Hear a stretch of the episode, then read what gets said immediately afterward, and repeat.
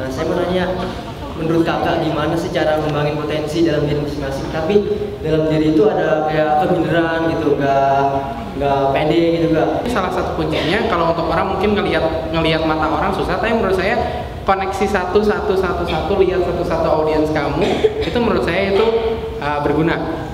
Satu itu dan kedua coba uh, gunakan barang-barang yang kamu suka dan make yourself enjoy dan paling penting adalah coba motivasi diri kamu sendiri dan dan untuk ke step itu ada prosesnya. Jadi pikirnya gini aja satu hal ya.